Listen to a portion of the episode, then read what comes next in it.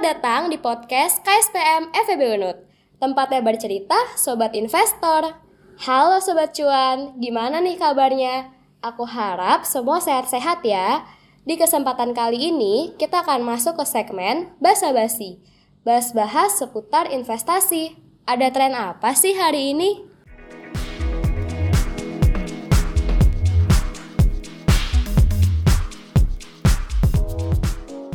Bakal nemenin malam minggu kalian pastinya dengan info-info menarik seputar pasar modal. Widih, nggak kerasa ya Ra, udah masuk episode 12 aja nih podcast. Kayaknya baru kemarin aku dengerin podcast yang episode 11, sekarang udah 12 aja nih. Cepet banget ya waktunya Wi. Mending kita langsung aja yuk bahas topik kita kali ini. Pasti Sobat Cuan juga mau dengerin tuh. Betul banget Ra, yuk kita ngobrol manja. Oke, balik ke podcast. BTW, tema podcast kita kali ini apa ya, Ra?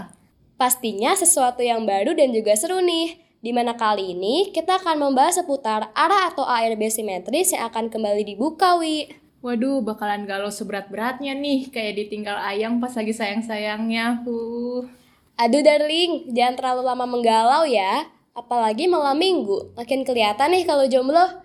By the way, Wi, kalau kamu udah pernah dengar belum nih, Wi, tentang ARA dan ARB sebelumnya? Walaupun masih investor newbie nih, tahu tipis-tipis lah. Auto rejection saham merupakan batasan baik itu maksimum atau minimum dari sebuah kenaikan dan penurunan harga saham dalam satu hari perdagangan bursa. Adanya auto rejection saham ini diberlakukan agar investor tetap terlindungi dari fluktuasi harga yang terlalu tinggi. Nah, terus ARA ARB itu pasti bagian dari auto rejection saham kan, Wi? Great job, bener banget Ra. ARA merupakan akronim dari auto rejection atas. ARB itu akronim dari auto rejection bawah. Nah, Wi, kasih aku nebak nih. Kalau salah, koreksi ya. ARA itu dapat dikatakan sebagai batas atas maksimum dari kenaikan harga suatu saham. Kalau ARB itu kebalikannya, yaitu sebagai batas bawah dari penurunan harga suatu saham. Gimana Wi, betul nggak? Ngeri banget nih, baru di-spill dikit udah jago aja.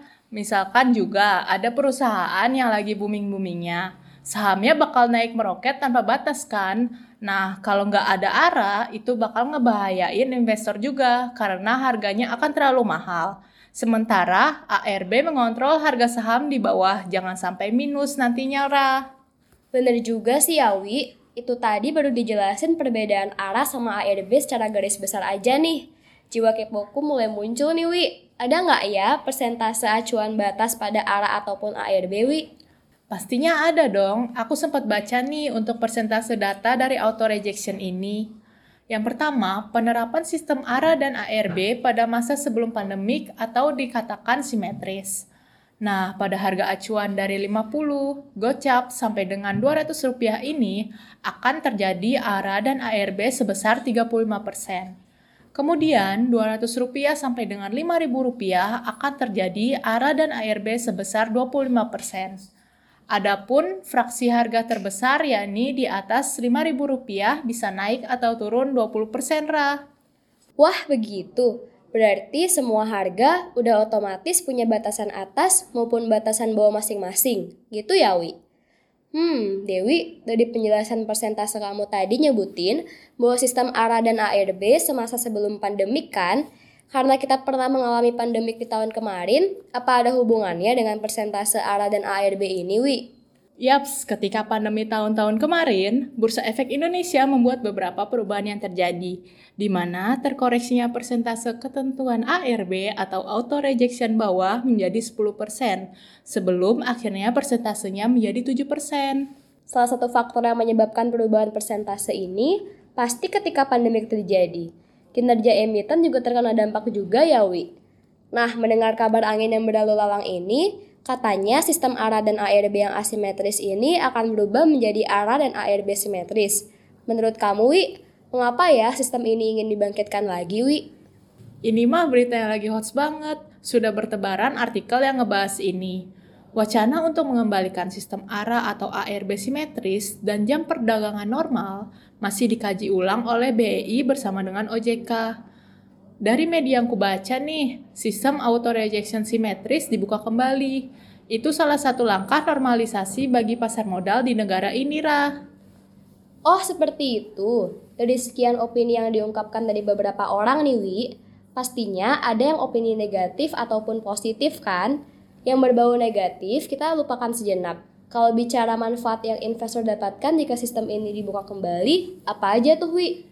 Benar-benar, kita afirmasi positifnya aja nih. Pastinya ada dong manfaat dari ARA atau ARB simetris ini. Di antaranya itu, yang pertama, diyakini dapat meningkatkan nilai transaksi saham. Pelaku pasar dapat memanfaatkan membeli saham-saham yang sedang terdiskon. Kedua, jam perdagangan di bursa kembali normal dan memiliki rentang waktu yang lebih panjang. Dan manfaat terakhir nih, adanya kemungkinan ARB berjilid-jilid.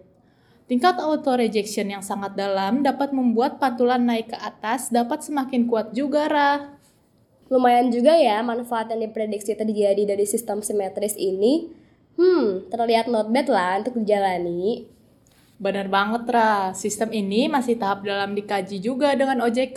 Tunggu saja dulu sampai pandemi dinyatakan fix berakhir dalam waktu menanti kabar yang pasti ini, Ra. Kabar doiku yang lagi di Korea, Wi? Atau masalah kapan aku bakal ipoin hubunganku ke publik? Please Ra, bukan masalah doimu dan dirimu, oke? Okay? Back to the topic. Ini tentang masalah ARA dan ARB simetris yang akan dibuka kembali. Gimana yo respon kamu dalam menyikapi wacana ini jika terjadi nantinya? Ayo gimana? Oh, yang tadi sih bercanda aja, Wi. Slay lah, darling.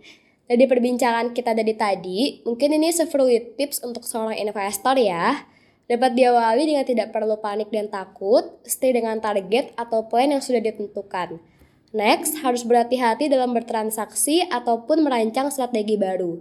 Kemudian, hmm, persentase atau rejection bawah akan meningkat dari 7%. Mungkin dijadikan sebagai sebuah peluang bagi investor. And the last way adalah persiapan analisis yang lebih matang untuk menghadapi berbagai risiko yang ada. Widih, satset banget nih. Bukan main sih tips slaynya cenah. Ra, kayaknya udah abis nih topik kita hari ini. Ya, oke deh. Segitu tadi perbincangan kita hari ini. Sebelum itu, pantun gak sih? Pak Agus pergi beli ikan kakap. Pulangnya beli kedong-dong. Di mana materi pasar modal terlengkap yang pastinya di podcast KSPM FEB Unut dong. Oke, karena kita udah di akhir nih, aku mau kasih pesan ke Sobat Cuan untuk selalu pantau podcast KSPM FEB Unut. Karena kami selalu menyajikan informasi pasar modal yang lagi hangat dan terupdate. Oh iya, Sobat Cuan juga sabi banget untuk request materi podcast di episode selanjutnya.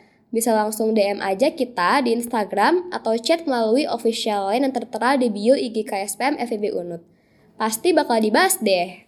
Dan buat sobat cuan yang bingung mau buka rekening efek di mana, no worries at all guys. Bisa langsung aja datang ke Galeri Investasi KSPM FEB Unut di Kampus Sudirman setiap hari Jumat.